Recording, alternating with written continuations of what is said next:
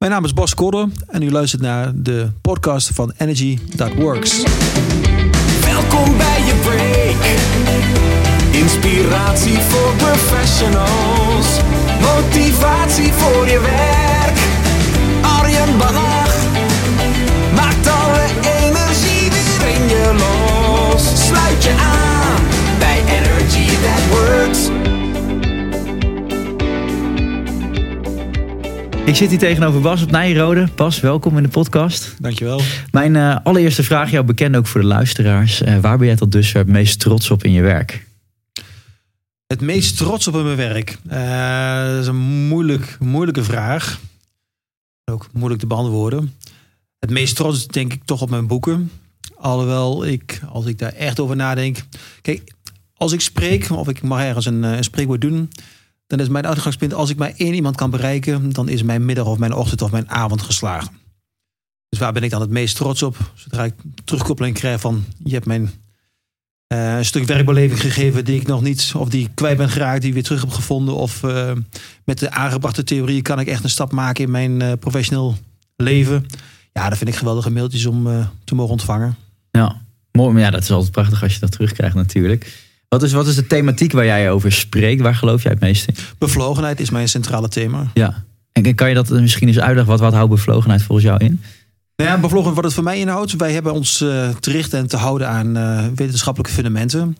Dus uh, de theorie van bevlogenheid creëert bevlogenheid omtrent drie elementen. Ja. Toewijding, vitaliteit en absorptievermogen.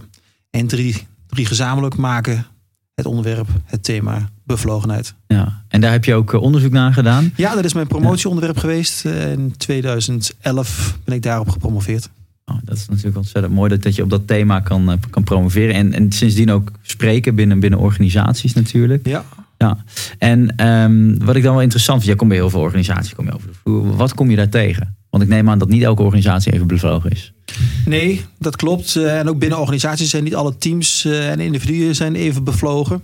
Dus het varieert enorm. En de bevlogenheid is ook in die zin lastig om het uiterlijk af te gaan te ontdekken. Dus je moet echt doorvragen en doorkijken. Omtrent die drie elementen. Hè, vitaliteit, toewijding en absorptievermogen. Introverte mensen kunnen net zo bevlogen zijn als extraverte mensen. Hm. Dat is interessant. Ja. En hoe, hoe zie je dat die drie aspecten? Want uh, dat, dat, die, die, die zitten alle drie geborgen in die, in die toewijding. Of in die bevlogenheid, excuus.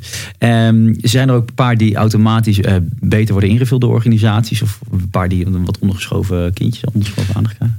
Ja, maar wat, wij, wat ik heel veel zie in, in, uh, in bijdragen, dat er nog steeds wordt gemeten omtrent tevredenheid. Ja. En tevredenheid zegt helemaal niets.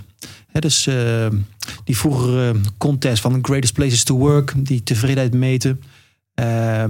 ik denk dat 90% van alle organisaties buiten nog steeds tevredenheid van, van medewerkers meten als instrument, als determinant voor, voor presteren in de toekomst. Ja. Tevredenheid zegt niks. Het zegt alleen iets over het verleden. Ik ben tevreden geweest. Waarbij geldt, elke mus is een vogel, niet elke vogel is een mus. Elke bevlogen medewerker is tevreden. Maar niet elke tevreden medewerker is bevlogen. Kijk, daar zit dus al een verschil. Daar zit een heel groot verschil in. Dus het meten van tevredenheid is als zand in je ogen. Oké, okay, en uh, dus, dat er heel veel organisaties en medewerkerstevredenheidsonderzoeken, die, die worden jaarlijks natuurlijk uh, bij Bosjes uh, de, lanen, de, rondgestuurd in organisaties. wat zou je dan moeten gaan meten volgens jou? Betrokkenheid is al beter. Ja. Dan meet je iets wat zegt over de toekomst. Ik ja. ben betrokken om met jou bepaalde doelen na te streven. En bevlogenheid zegt dus over de activatiegraad van die betrokkenheid. Hm. Dus ik ben actief en geactiveerd om gezamenlijk bepaalde betrokken doelen na te streven. Ja, oké, okay, interessant. Dus als je dan toch iets wilt meten, als je dan toch een determinant wilt hebben voor toekomstig presteren, ja. meet dan bevlogenheid. Wat uitstekend te meten is. Ja. Heb, je, heb je ook een voorbeeld van waar je het een keer ergens mis hebt zien gaan? Dat... Ja, mijn eigen organisatie. Oké, okay. hoe, hoe ging dat? Kan je eens even meenemen? Nou, ik was dus ook opgeleid om de tevredenheid uh, te meten als determinant voor toekomstig presteren. We hebben maar één asset als kennisorganisatie waarop je het moet en mee moet doen. Ja. Dat zijn medewerkers. Dat is het enige asset die je hebt. Staat niet op de balans. En toch is dat je enige determinant voor toekomstig presteren. En mij is ook altijd geleerd dat tevredenheid iets zegt over toekomstig presteren. Nou, toen kwam ik in aanraking met mijn promotor Herman Kuipers, TU Eindhoven, die mij aangaf: Bas, waar heb jij gezeten? Ja. Tevredenheid zegt niks.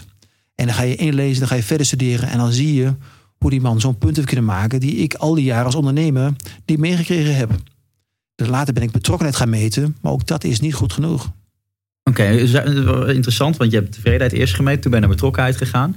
Kan je heel kort uitleggen hoe je dat hebt gedaan, wat, het, eh, hoe, je die, hoe je die meting hebt gevoerd? Nou ja, tevredenheid, eh, er zijn allerlei job satisfaction eh, instrumenten die Mhm. voorhanden zijn. En betrokkenheid is ook goed te meten. Ja.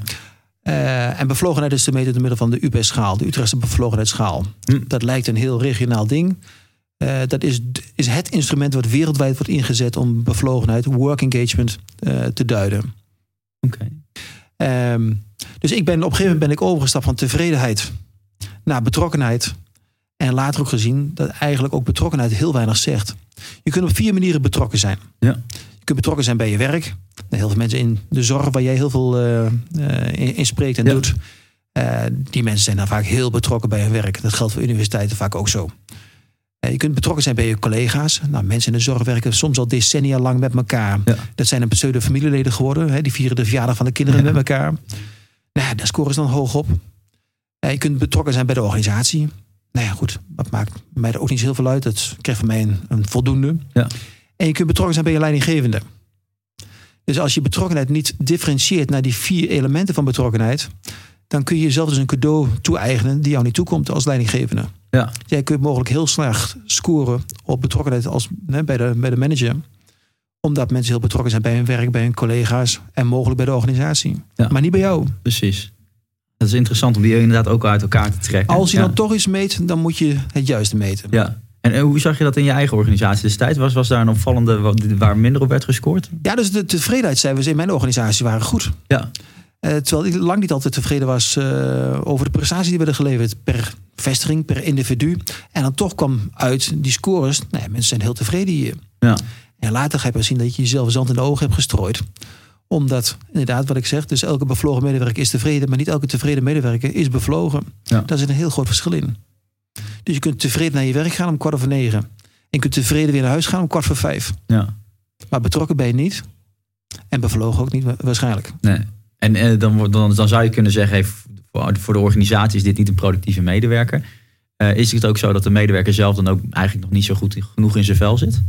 Nou ja, dat zijn twee verschillende dingen. Terwijl er wel een hele grote eh, link is te leggen tussen bevlogen op je werk en, en, en blij thuis. Ja. Eh, wij weten uit onderzoek dat de correlatie hoog is. Dus bevlogen nog op je werk betekent vaak ook dat je prettig in je vel zit thuis en vice versa. Ja. Eh, maar natuurlijk, eh, als je eh, gelukkig thuis bent, wil dat niet zeggen dat je inderdaad een, een, een functie hebt gevonden of werk hebt gevonden dat goed bij je past. Nee. Er zit wel degelijk een groot verschil in. Ja. Maar vaak komt het gemeenschappelijk, is een hoog correlatiecijfer Ja. voorhanden. Ja. Maar het zijn twee verschillende dingen.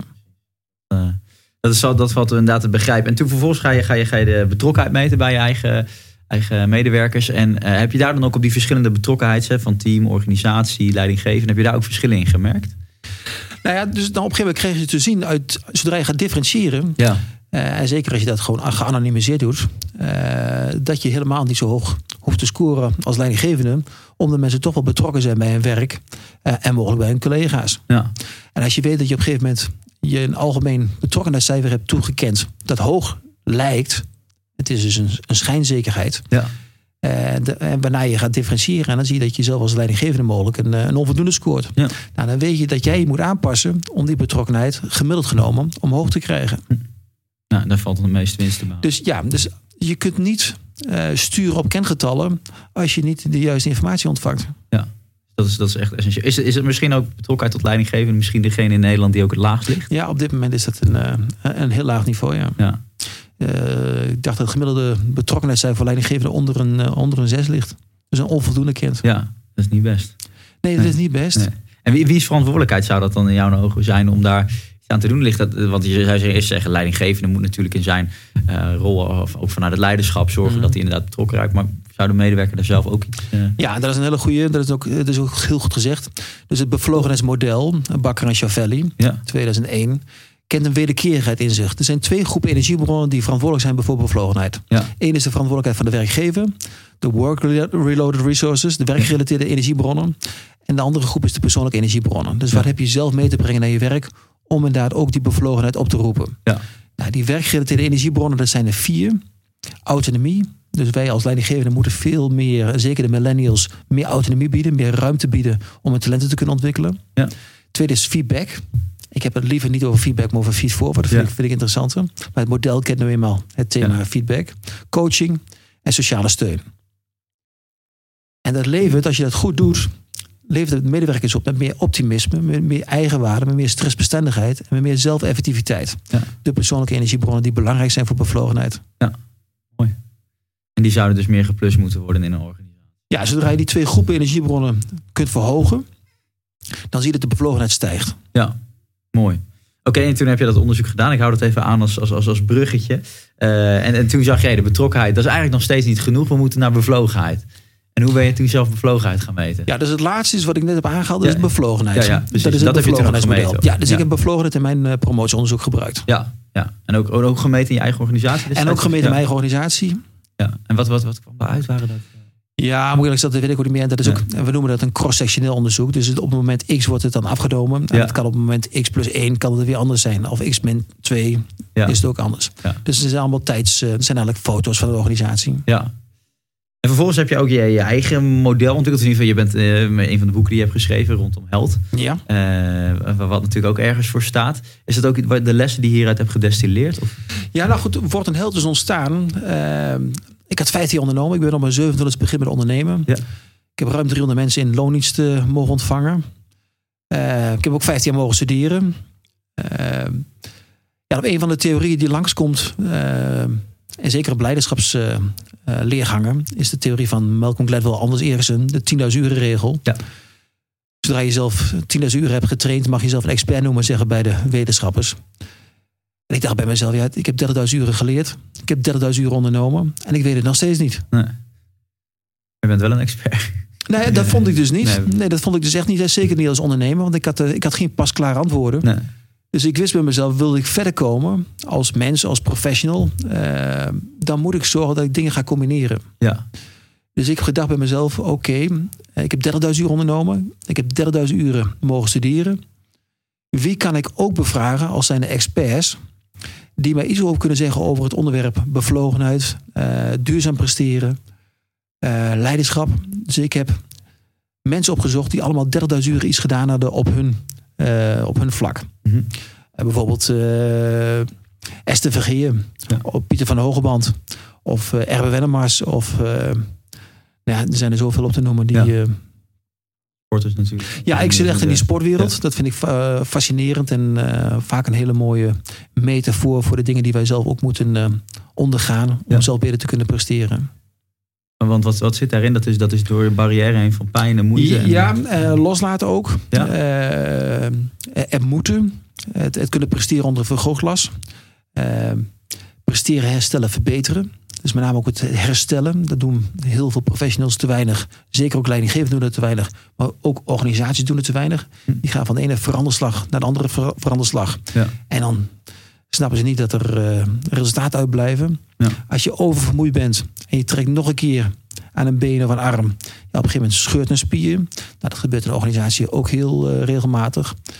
Uh, dus, dus topsport heeft een, uh, is een aantal kenmerken in zich dat eigenlijk die, die zijn uitvergroot ten opzichte van ons uh, bestaan als professionals. Ja. Maar heel veel dingen zijn wel uh, als, als gelijk te, te duiden. Ja. Oké, okay, interessant.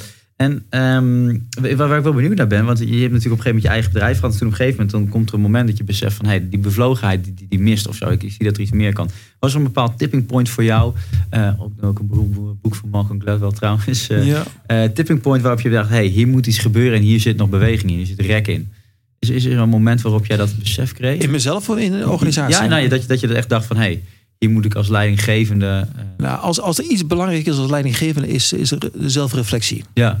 Dat je continu elke dag bezighoudt van wat zijn mijn sterke punten, wat zijn mijn zwakke punten.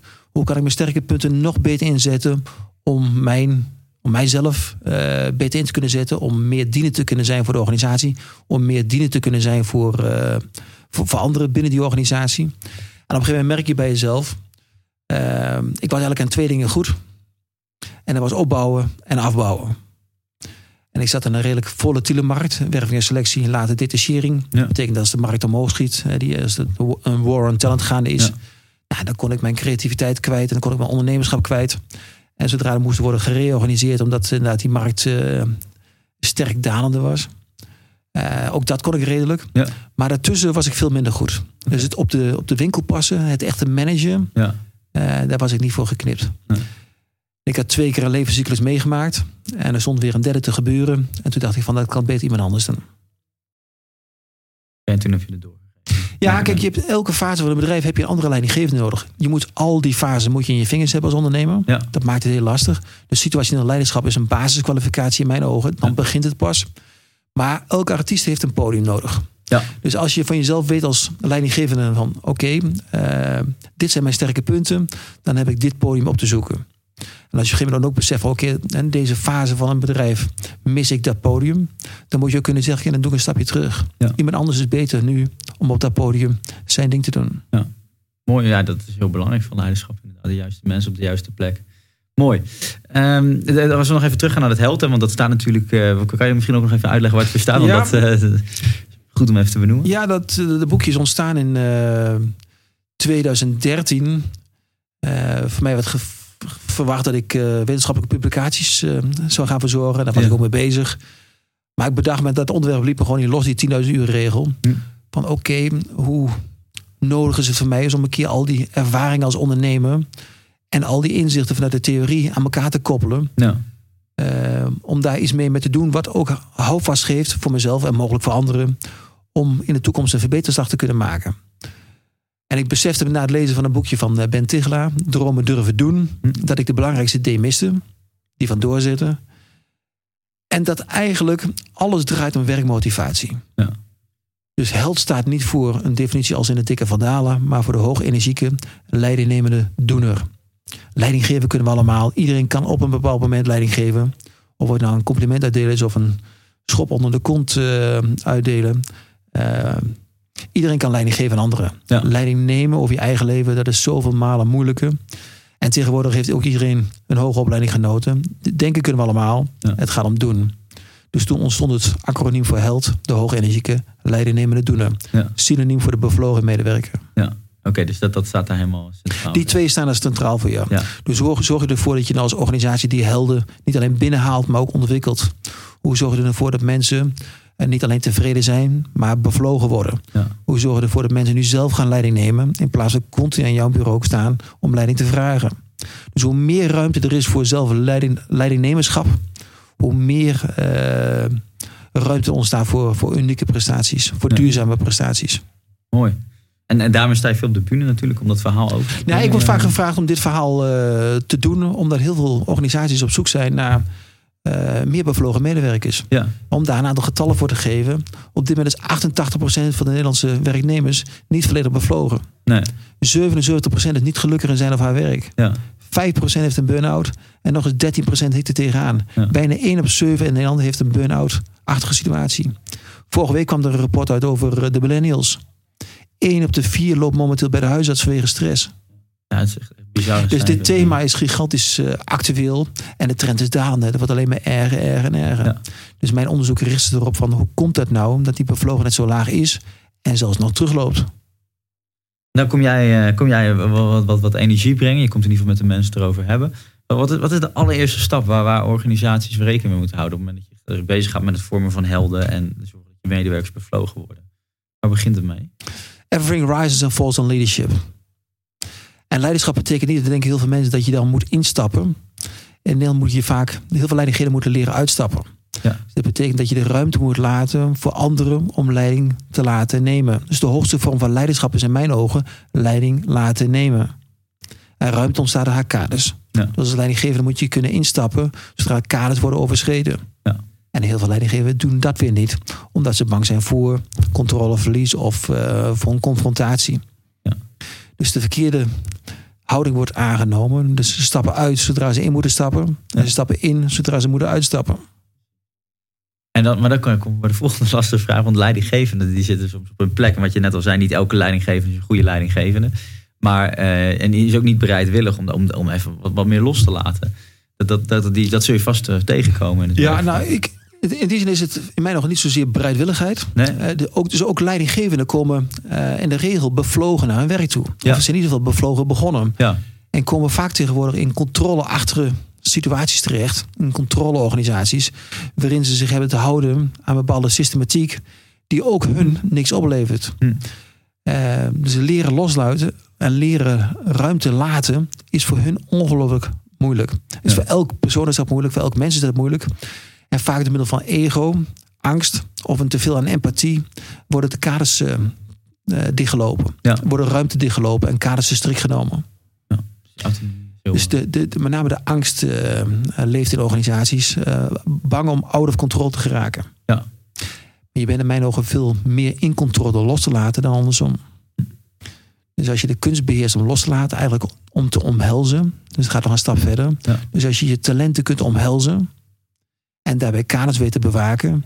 Dan ben je in mijn ogen al een heel stap verder. ja. Dat zou, dat zou een begin kunnen zijn om daar Nou ja, te bevlogen. Kijk, eh, leid- leiderschap is dus in die zin eh, voor iedereen toegankelijk. Mhm. Maar het is lastig om, een, om, om over langere tijd een leidinggevende te blijven. Dus duurzaam leiderschap, dat is ongelooflijk moeilijk. Dat betekent dat je al die facetten moet beheersen. Achteruit kunnen stappen wanneer het nodig is. En wanneer het kan. En in moet stappen wanneer het nodig is en gewenst is. Ja. Dus er is maar één vorm van leiderschap die echt... Zijn eigenlijk twee die zijn destructief. De autocratische stijl van leiderschap. Dus het eh bullying, het bovenop zitten, het controleren, de rode pennen, et cetera. Maar de allerergste vorm van leiderschap is de laissez-faire stijl van leiderschap. Het helemaal loslaten. Het negeren van je professionals. Ja. En heel veel leidinggevenden die te veel controleren, zijn te weinig bezig met, met, met leiding geven. En zeker met leiding laten nemen. Mooi. En, en misschien is het, want je had het net over duurzaam leiding geven. Dat is ook eigenlijk een go- een goed bruggetje naar het boek wat je dit jaar hebt uitgebracht. Ja. eh, over duurzaam presteren. Eh, hoe, hoe zit dat in het, in het verhaal van, van, het, van het bevlogenheid? Is, is- valt dat te linken of is dat weer een losstaand? eh? Nou ja, kijk, bevlogenheid, en denk, ik, bevlogenheid is nooit een doel op zich. Nee. Dus heel veel organisaties of denken, ja, we moeten de bevlogenheid omhoog helpen. Ja. De eerste vraag die ik stel, waarom? Ja, nee, goed, met bevlogen medewerkers hebben we eh, meer kans op meer eh, winstgevendheid. Hebben we Ja. minder ziekteverzuim, hebben we meer kans op collegialiteit, hebben we meer kans op et cetera. Ja. Oké, dus dat is het doel. Dus bevlogenheid is een vorm van werkmotivatie. En werkmotivatie is eigenlijk je enige eh, instrument om bepaalde doelen die je nastreeft, je KPI's, te bewerkstelligen. Ja.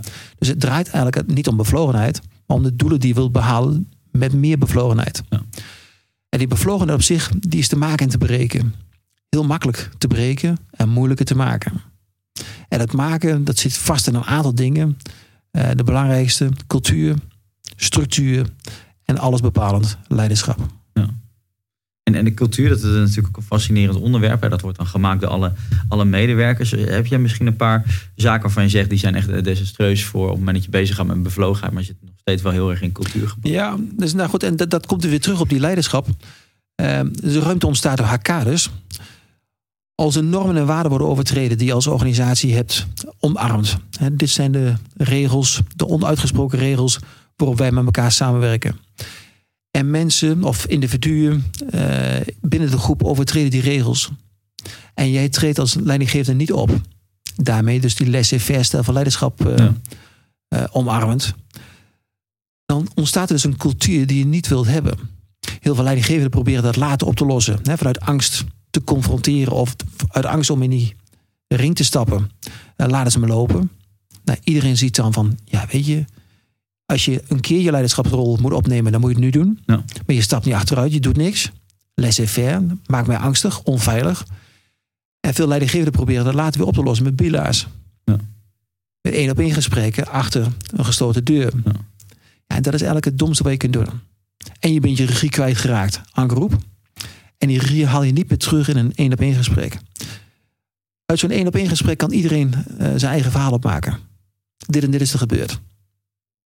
Kan zijn eigen of zijn of haar eigen plaatje kan ze invullen. Dus bila's zijn eigenlijk een manier van eh, leiderschap eh, die mijn ogen eh, eerder tegen je werkt dan voor je werkt. Grote coaches waarmee ik heb mogen werken of mee mogen samen zijn, Van Gaal, Koeman, Ton Gerbrands, hebben nooit één op één gesprekken. Vanwege deze reden. Er is geen ruimte voor ruis. Mijn feedback en mijn coaching vindt aan groep plaats. Ja. Iedereen weet hoe die wordt aangesproken en waarop ik stuur om bepaalde normen en waarden, dus de organisatiecultuur, te handhaven.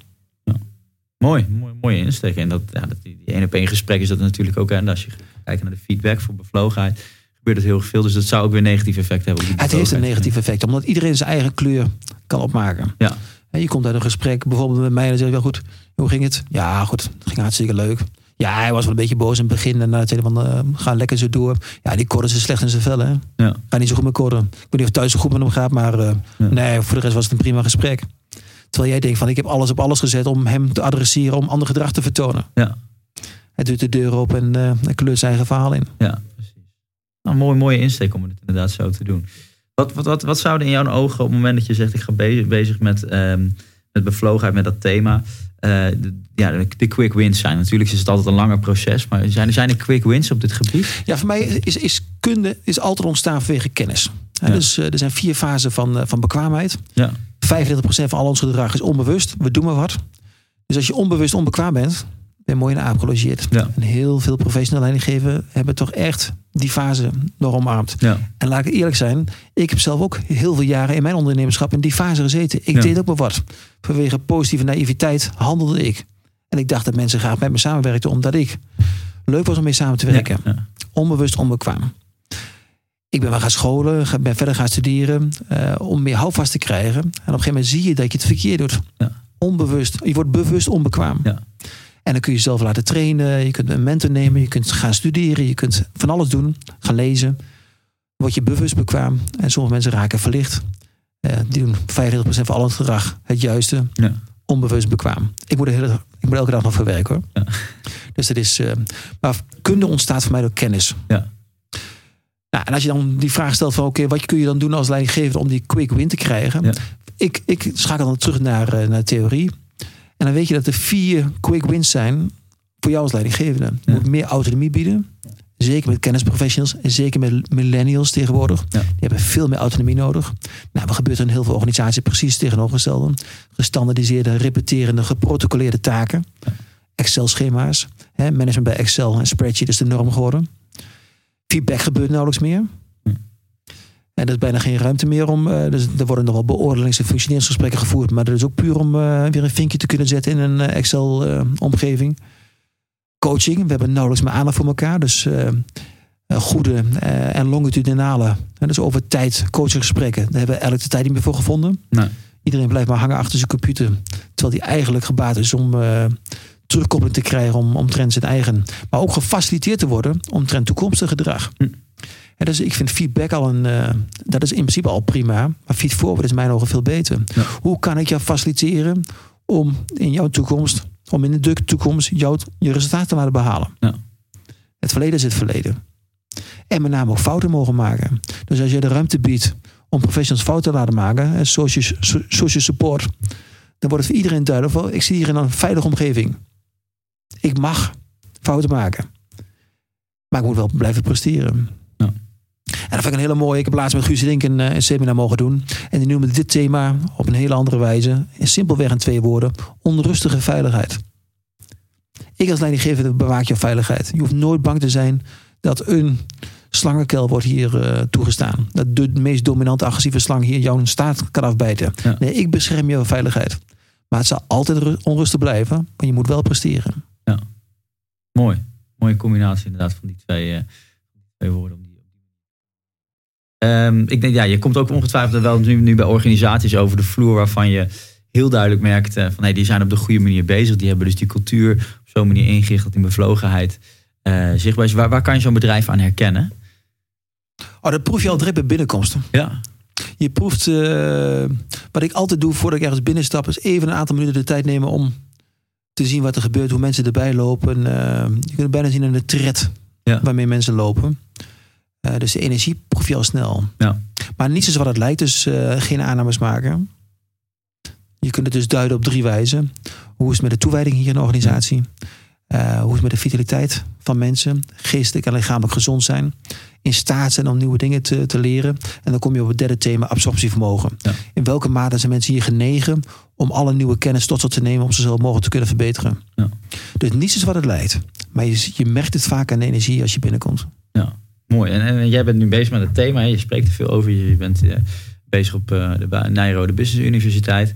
En eh, waar, waar zou je nou naartoe willen? Wanneer is het, want jij bent dit aan het prediken. Wanneer is het voor jou? eh, Nou, niet, niet zozeer prediken. Dus ik hou het heel, eh, heel simpel. Dus Ja. ik kan de wereld niet veranderen. Nee. En nogmaals, als ik één iemand kan bereiken in, eh, in zo'n groep, ben ik, al, eh, ben ik al een blij mens. Ja. Ehm, dus ja, wat, wat, wat wil ik bereiken?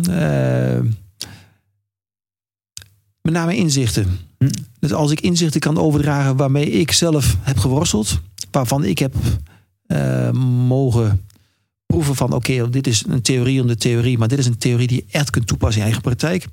Eh, ja, dan ben ik een gelukkig mens. Mooi. En dan is er één eh, vraag voordat we naar de one minute questions gaan.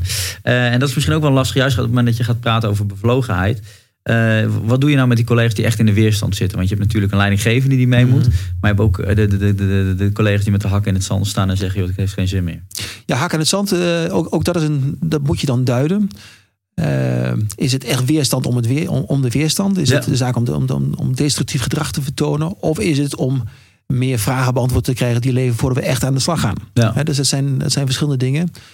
Maar om dit vanuit de theorie en vanuit de wetenschap te beantwoorden, 8% van alle medewerkers in Nederland is active disengaged. Mhm. Dus actief bezig om de zaak te frustreren en kapot te maken. Ja. 8%. 1 op de 12. Ik noem dat bevers. Ik gebruik vaak eh, een voorbeeld uit de natuur. Ja. Er zijn mensen die dus in staat zijn geweest om, om te presteren. Die hebben vaak goede resultaten gehaald, maar al een tijdje geleden. Ja. En die resultaten blijven al een tijdje uit. Waarbij je je onderbuikgevoel zegt, ja, er klopt iets niet. Maar ik weet niet wat. Ja. En ik weet dat ze de, de kennis en vaardigheden hebben om, om, om, om te kunnen presteren. Maar het blijft uit. Laat ik ze maar een kans geven. Ja. Voor dat soort mensen moet je echt oppassen. Want die gebruiken hun kennis en vaardigheden niet meer voor de organisatie. Maar Mhm. tegen de organisatie. Niet ten bate, maar ten laste van jou als leidinggevende. Hoe moet je ermee omgaan? Ruimte ontstaat door haar kaders. Zodra kaders worden overschreden, qua prestaties, qua gedrag, et cetera, dan moet je dus terugschakelen. Ja. Dus situationeel leiderschap is een basiskwalificatie. Leiderschap is one-on-one. One size fits one. Dat betekent dat je eigenlijk moet eh, terugschakelen van eh, de hoogste vorm van leiderschap, leiding laten nemen, naar directieve. Ja. En dan gewoon aansturen. En dat is een vaardigheid.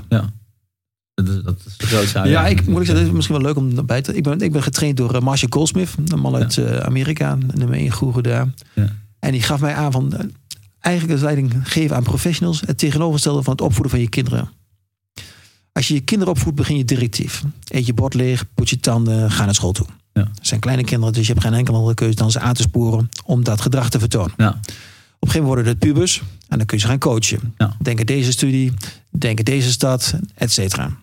Maar jij moet de beslissing nemen. Ja. Op een gegeven moment worden het volwassenen, dan kun je ze mogelijk dan faciliteren. Bijvoorbeeld met een tweede hypotheek om eh, een woning eh, mogelijk te maken. In Raalte, Zand gebeurde dat niet. Maar dat kan. En de hoogste vorm van leiderschap noemt hij supportive leadership. Ja. Het applaudisseren. Dus eigenlijk van goed gedaan, eh, fantastisch, volgende keer beter. Met senior volwassenen heb je alleen maar die mogelijkheid. Ja. En dan leiding geven aan professionals. Eigenlijk beginnen precies andersom. Een leiding laten nemen, de hoogste vorm van leiderschap. Applaudisseren. Goed gedaan, fantastisch, volgende keer beter. Als de resultaten terugvallen, schakel jij terug als leidinggevende als een eh, schakelbak in je, in je auto. Hm. Je gaat faciliteren. Wat heb jij nodig om jouw taken, om jouw functie in te kunnen uit, eh, om die uit te kunnen voeren en in te kunnen vullen? Ja.